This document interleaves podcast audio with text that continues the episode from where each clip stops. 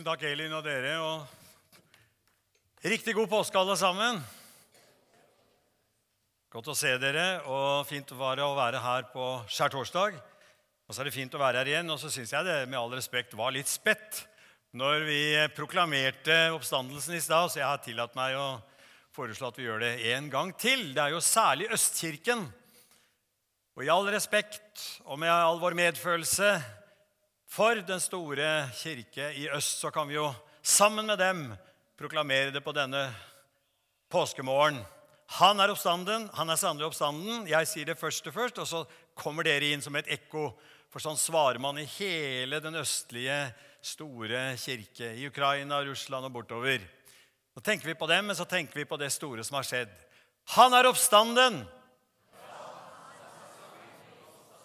Amen. Jeg satt og så på Det har jo vært litt forskjellig med, med, med gudstjenester. Jeg var her på, på skjærtorsdag, og så har jeg fulgt med litt på nettet.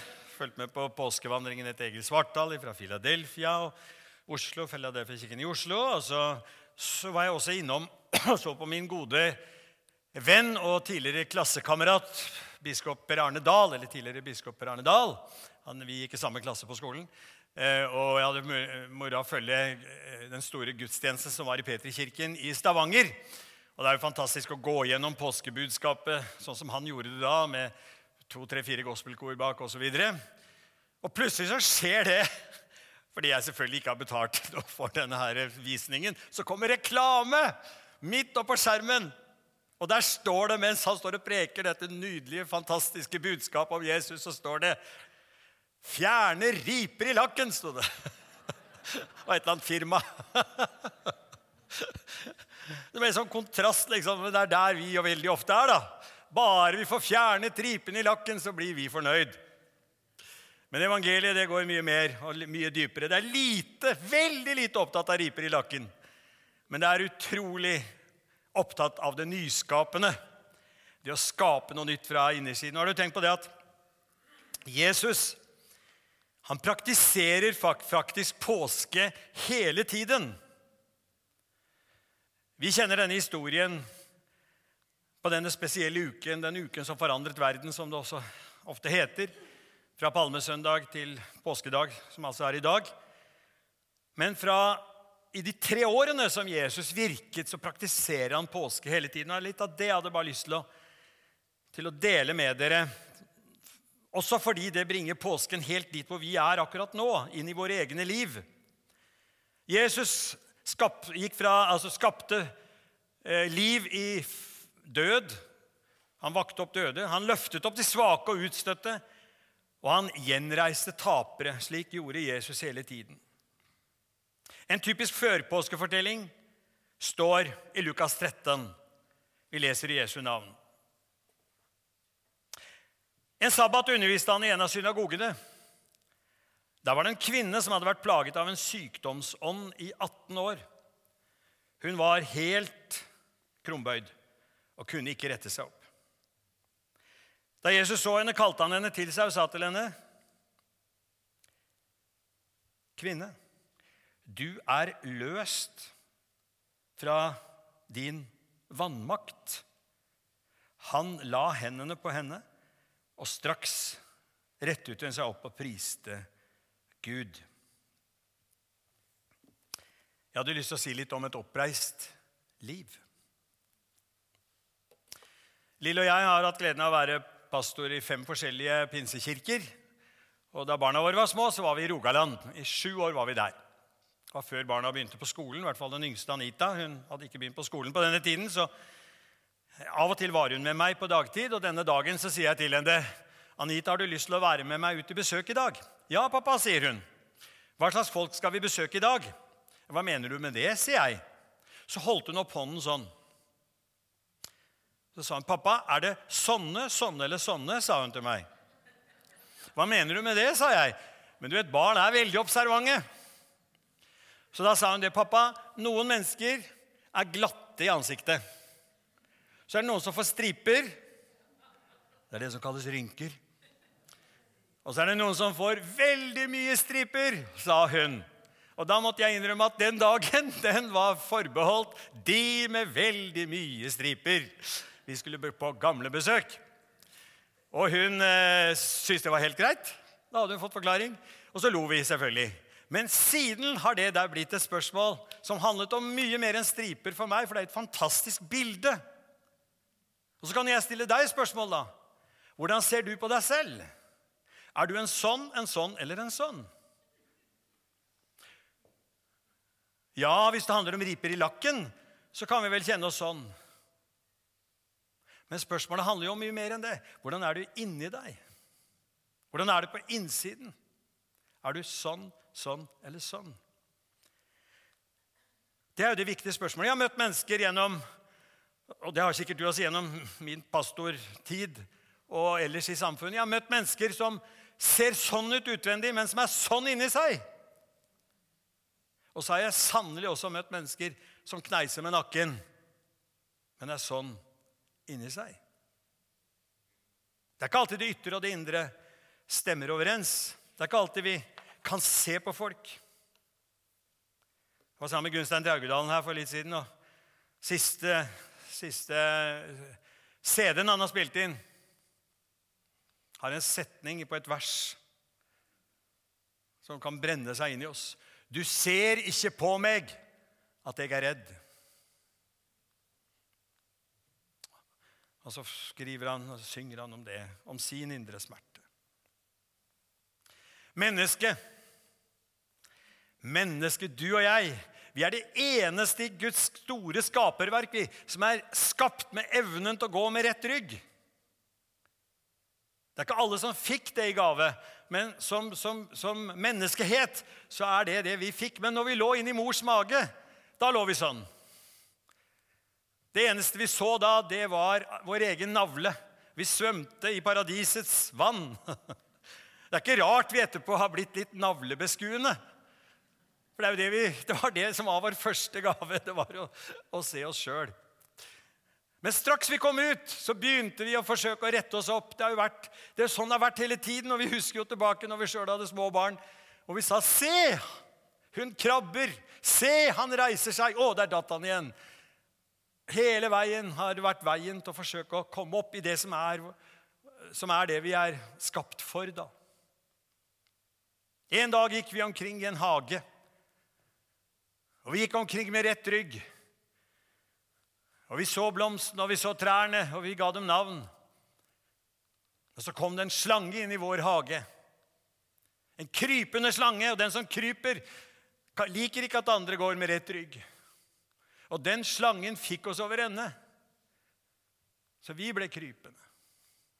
Og Det ser ut som hele menneskehetens historie har handlet om å forsøke å komme opp igjen. Det er det vi har holdt på med. Politisk, religiøst, filosofisk. Så er det det å forsøke å komme opp i retts, med rett rygg igjen. er det ikke det? Alt har handlet om det. Men gang på gang så får denne slangen oss over ende.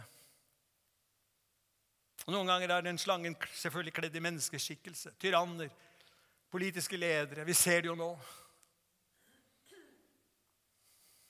Men Jesus kom. Så kommer Jesus, sendt fra Gud og alt Jesus gjør, det er å forvandle mennesker fra det krypende, fra det nedslåtte, fra det ødelagte, til å rette mennesker opp igjen. Han oppfyller profetien slik det står i allerede i tredje Mosebok. Jeg vet ikke hvor mange av dere som har tredje Mosebok som favorittbok. Jo da, Vi går i gang og leser Bibelen, og vi leser første og andre Mosebok. Store fortellinger. Men det er veldig mange som gir opp når det kommer til tredje Mosebok. altså. Meg sjøl iberegnet har gitt opp der. Det er så tørt. Det er mye ørken og mye lover og regler. Men midt i ørkenen så fins det et vidunderlig vers, et profetisk vers. I det 26. kapittelet i tredje Mosebok. Jeg er Herren deres Gud, som førte dere ut av Egypt for at dere ikke lenger skulle være treller der. Jeg brøt i stykker stengene i åket som lå på dere, så dere kunne gå oppreist. Tenk, det står det. Det er det evige budskapet fra Gud for å løfte mennesker opp. Og Det var dette Jesus kom for å virkeliggjøre. Jesus samtid, De religiøse lederne og religioner har ofte hatt det ved seg, det vesenet ved seg. Å trykke mennesker ned. Jesus sa det. Dere binder tunge bører og lesse på folk. Selv ville ikke løfte en finger for å flytte dem, men Jesus kom for å sette mennesker fri. La oss gå til teksten vår. Denne teksten om denne, denne kvinnen. De var i, i synagogen. Noen som har vært i synagoger her? Noen som har vært i Israel? Det er gjerne det i sånne forsamlinger som dette. Det bildet her er fra den synagogen som er rett ved klagemuren. Og som alltid, Der så er det jo et skille, så det er bare vi gutta som får komme inn der. dessverre. Sånn er det enda i jødedommen.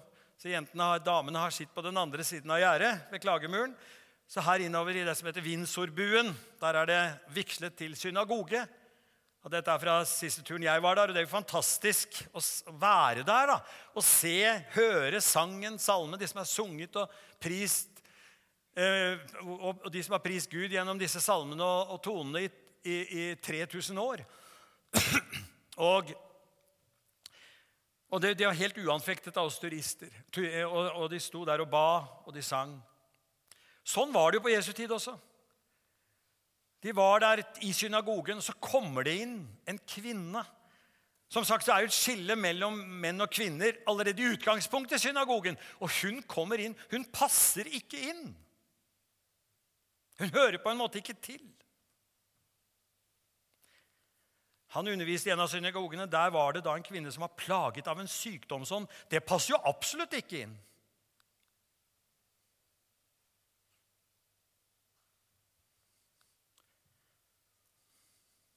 Hun forstyrrer dem.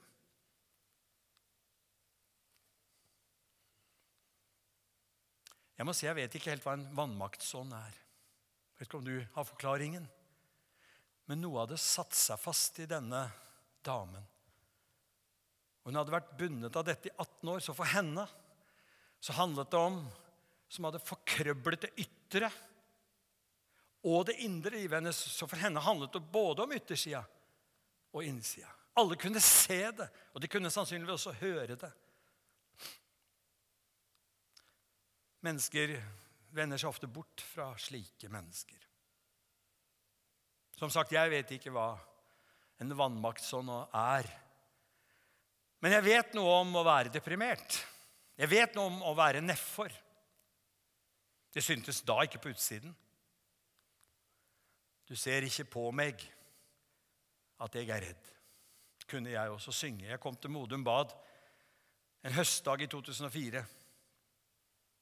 Til Vita-avdelingen. Vita betyr liv. En unik avdeling på dette vidunderlige stedet. Jeg var der i tre måneder høsten 2004 og jobbet med livstemaene i fortid, nåtid og fremtid. Og lette etter den større livsfortellingen, som de sa. Jeg var nedbøyd, krumbøyd inni meg. Jeg var nedfor, nede for telling. Jeg hadde mistet noe av det viktigste et menneske kan eie, i tillegg til troen. Jeg hadde mistet fremtiden. Vet du hva de sa på Modum? Og det første de sa til oss, og de gjentok det veldig ofte. Dette er et godt sted å ha det vondt. Hvis du først har det vondt, så kan du like godt være her. Og Jeg har ofte tenkt på den setningen i forbindelse med kirke og menighet. Tenk om det kunne være overskriften over ethvert Guds hus. Dette er et godt sted å ha det vondt. Når du har det vondt, så er det godt du er akkurat her. Denne kvinnen som vi leste om, hun hadde det nok ikke sånn i utgangspunktet. Og de som var rundt henne, tenkte ikke sånn. Men det var én der som tenkte at når du først har det vondt, kjære kvinne, så er det godt du er her. Akkurat nå. Et av de første spørsmålene vi fikk, jeg og de syv andre som var på min gruppe, det var dette. Hvorfor og hvordan har du kommet fram til denne konklusjonen om deg selv? Jeg vokste opp på livets solside. Jeg har ikke opplevd omsorgssvikt. Jeg har ikke møtt ukjærlighet. Hjemme I vårt hjem fantes det ikke noe alkohol. Ingenting av dette som bryter ned.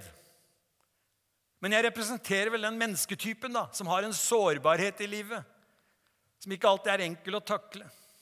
Du ser ikke på meg at jeg er redd.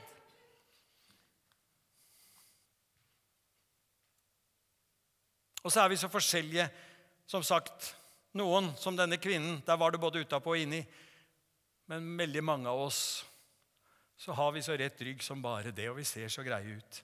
Men hvordan og hvorfor har du kommet fram til denne konklusjonen om deg selv? Konklusjoner er jo gjerne det man gjør når man har det vondt. Nå er det over. Det nytter ikke for meg. Ekteskapet røyk. Nei, vi kan ikke være med i denne menigheten lenger. Det funker ikke der. Vennskapet. Jobben. Helsa. Og så mange ganger vi konkluderer. Hvorfor? Og hvordan? For konklusjon betyr at det er ikke noe fremtid lenger. Det er langfredag, det. Det er over, da.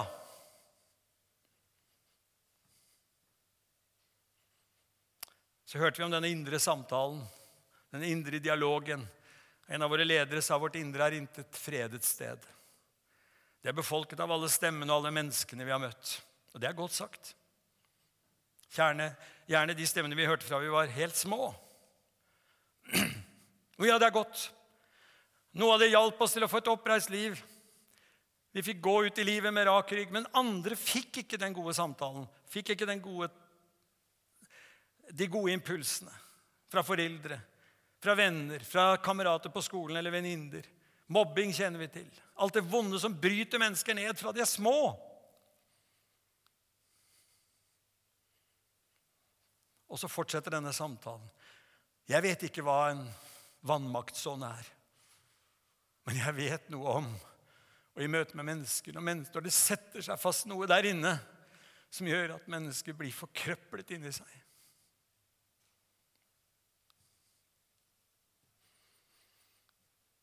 Vi fikk god hjelp på Vita. Av Gud og mennesker. Dette er jo et sted, et profesjonelt sted. Der kunne man jo være både som ateist og, og ateist og buddhist og, og, og, kristen, eller hva som helst. Hvordan kan man snakke om gudsbildet? Var det noen som sa til ateister? Da kan man jo spørre som de sa Hvilken gud er det du ikke tror på? Eller hvilket gudsbilde er det du ikke kan tro på? For vi har aldri bilder. vet du. Det er interessant. Veldig interessant. Men midt i det hørte jeg, fordi jeg kjenner Skriften Det har jo vært mitt liv. Jeg hørte Bibelens historie. Jeg hørte evangeliet.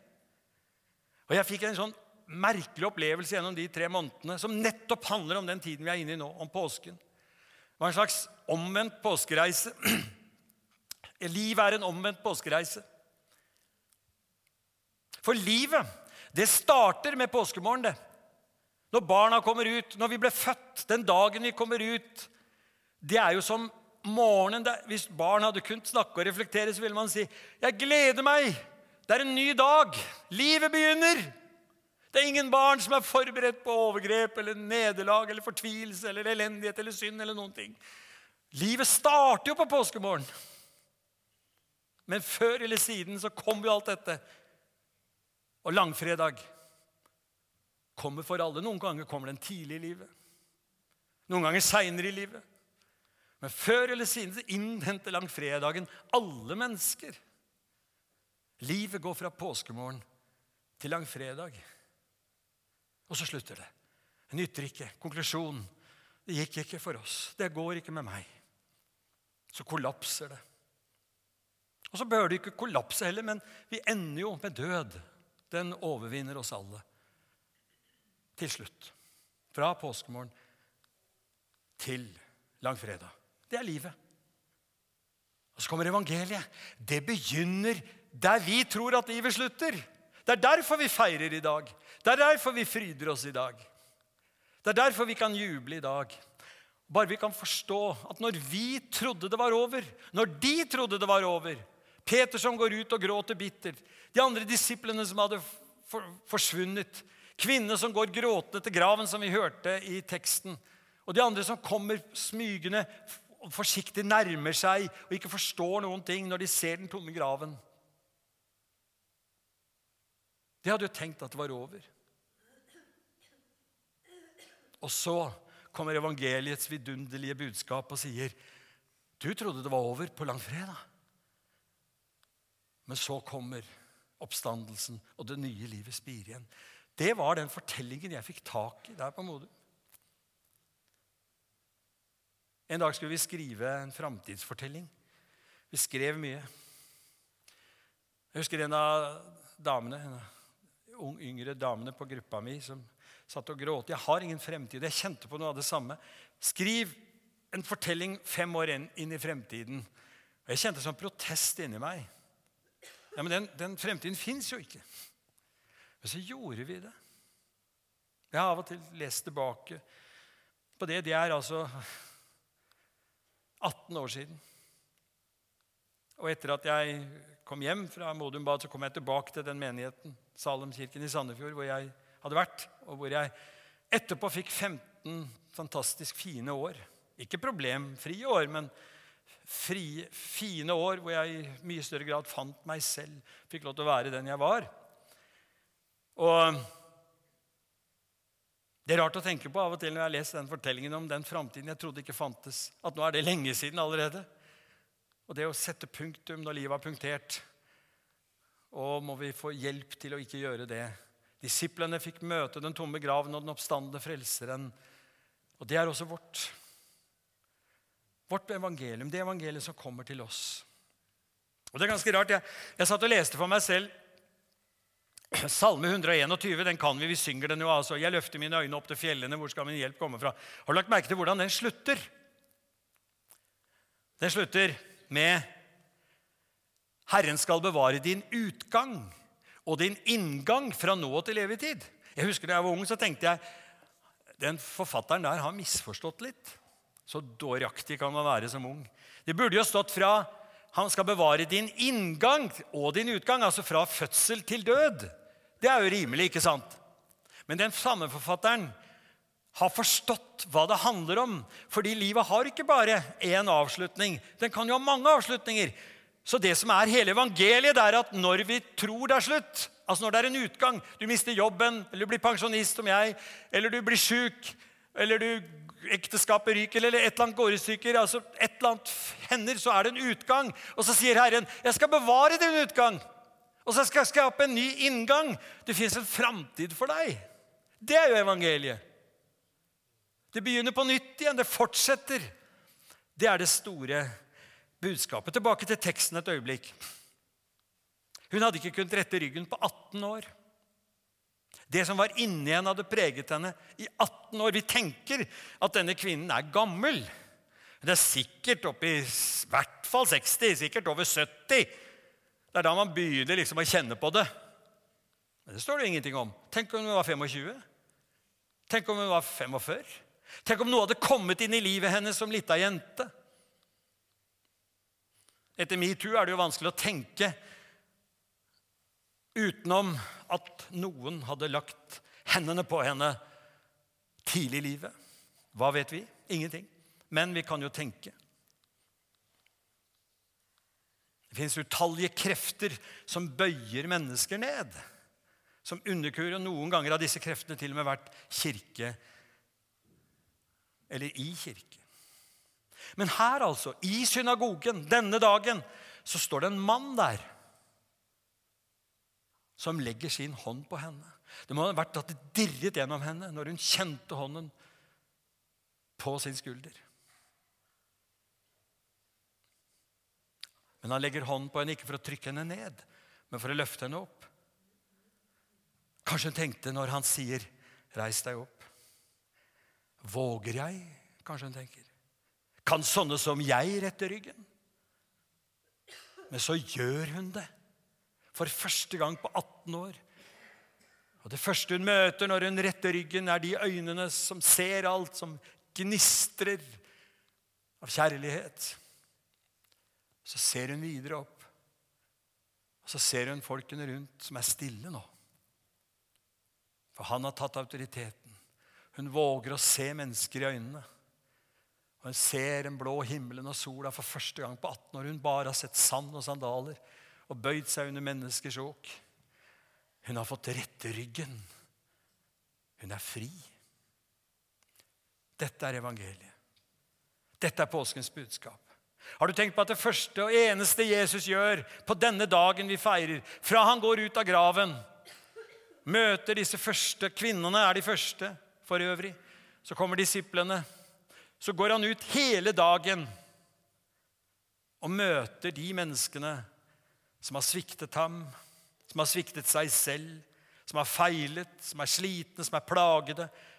Alle disse, de nedbøyde, det er de han møter hele dagen fra morgen til kveld og hele uka etterpå. Tidenes comeback. Pilatus, Herodes, de ledende i eh, det kirkelige hierarkiet. Det høye råd, Kaifas, Annas, alle disse navnene vi har blitt kjent med gjennom lidelseshistorien, de bryr han seg ingenting om. Tenk om han hadde sagt 'Hva var det jeg sa?' i tidenes comeback. Har ingen interesse. Det er bare disse som har interesse.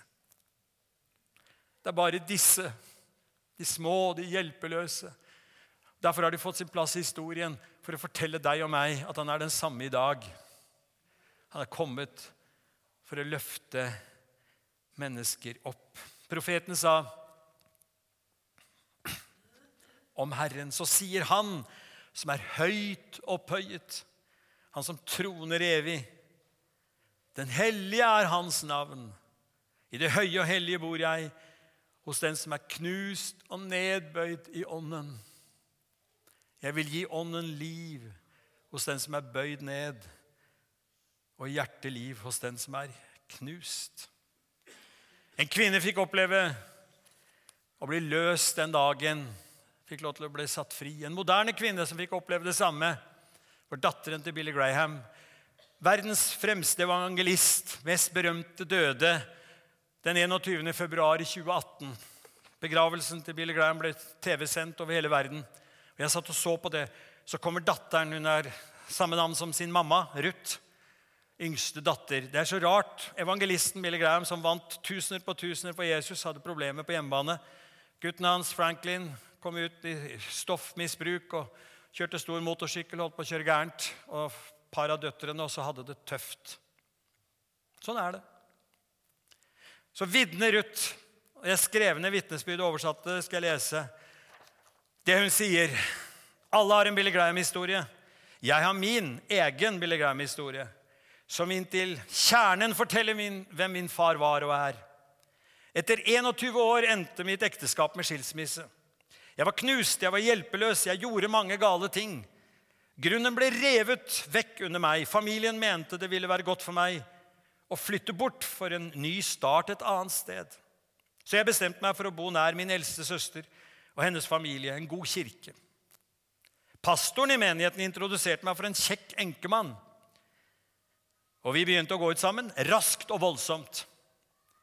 Barna mine likte ham ikke. Men jeg mente at de tok feil. Og de skulle ikke fortelle meg hva jeg burde gjøre. Jeg visste hva som var best for mitt liv. Mor ringte meg fra Seattle. Far ringte meg fra Tokyo. Og de sa begge, 'Hvorfor ikke roe litt ned?'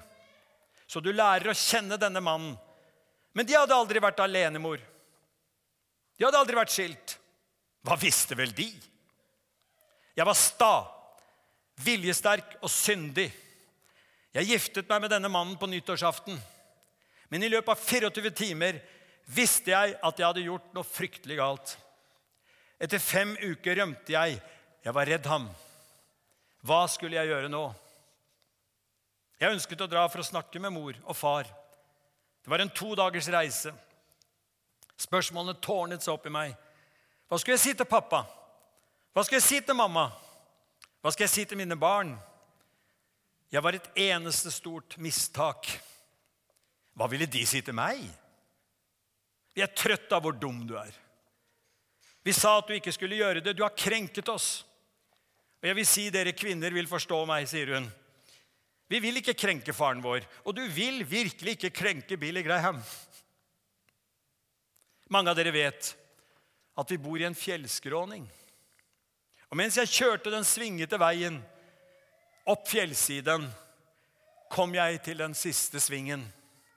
Og der sto pappa og ventet på meg. Jeg gikk ut av bilen. Han slo armene rundt meg og sa 'Velkommen hjem'. Det var ingen skam. Det var ingen anklage. Det var ingen fordømmelse. Det var bare ubetinget kjærlighet. Og du vet, far var ikke Gud, men han viste meg hvordan Gud er den dagen. Om vi kommer til Gud med våre synder, våre brudd, våre feil, vår smerte, våre sår, så sier Gud, 'Velkommen hjem'. Dette er evangeliet. Dette er det oppreiste liv. Oppstandelse i en personlig erfaring. La oss be. Takk, Jesus. Takk for vitnesbyrd at du praktiserte påske hele tiden. Jesus, du reiste mennesker opp. Takk at du praktiserer det nå og til alle tider, Jesus. Takk at påskebudskapet er en vakker fortelling, en stor fortelling, selve kjernen i evangeliet. Ja, det er evangeliet. Men jeg vil be om for min egen del og for oss alle at du praktiserer påske i våre liv nå. At du stiller spørsmålet 'Hvem er du?' Hvordan ser ditt bilde av deg selv ut? Hvem er du? Hvordan har du det? Og Så viser du Jesus Kristus, hvordan du er i stand til å løfte mennesker opp. Så vi, hver og en av oss, kan rette ryggen igjen, se mot en ukjent fremtid og tenke også dette livet jeg har fått, kan leves. Uansett hvordan det er. Så jeg ber Jesus ta hånd om oss nå gjennom lovsangen bønnene, avslutningen, slik at vi kan gå ut og leve det oppreiste liv. Amen.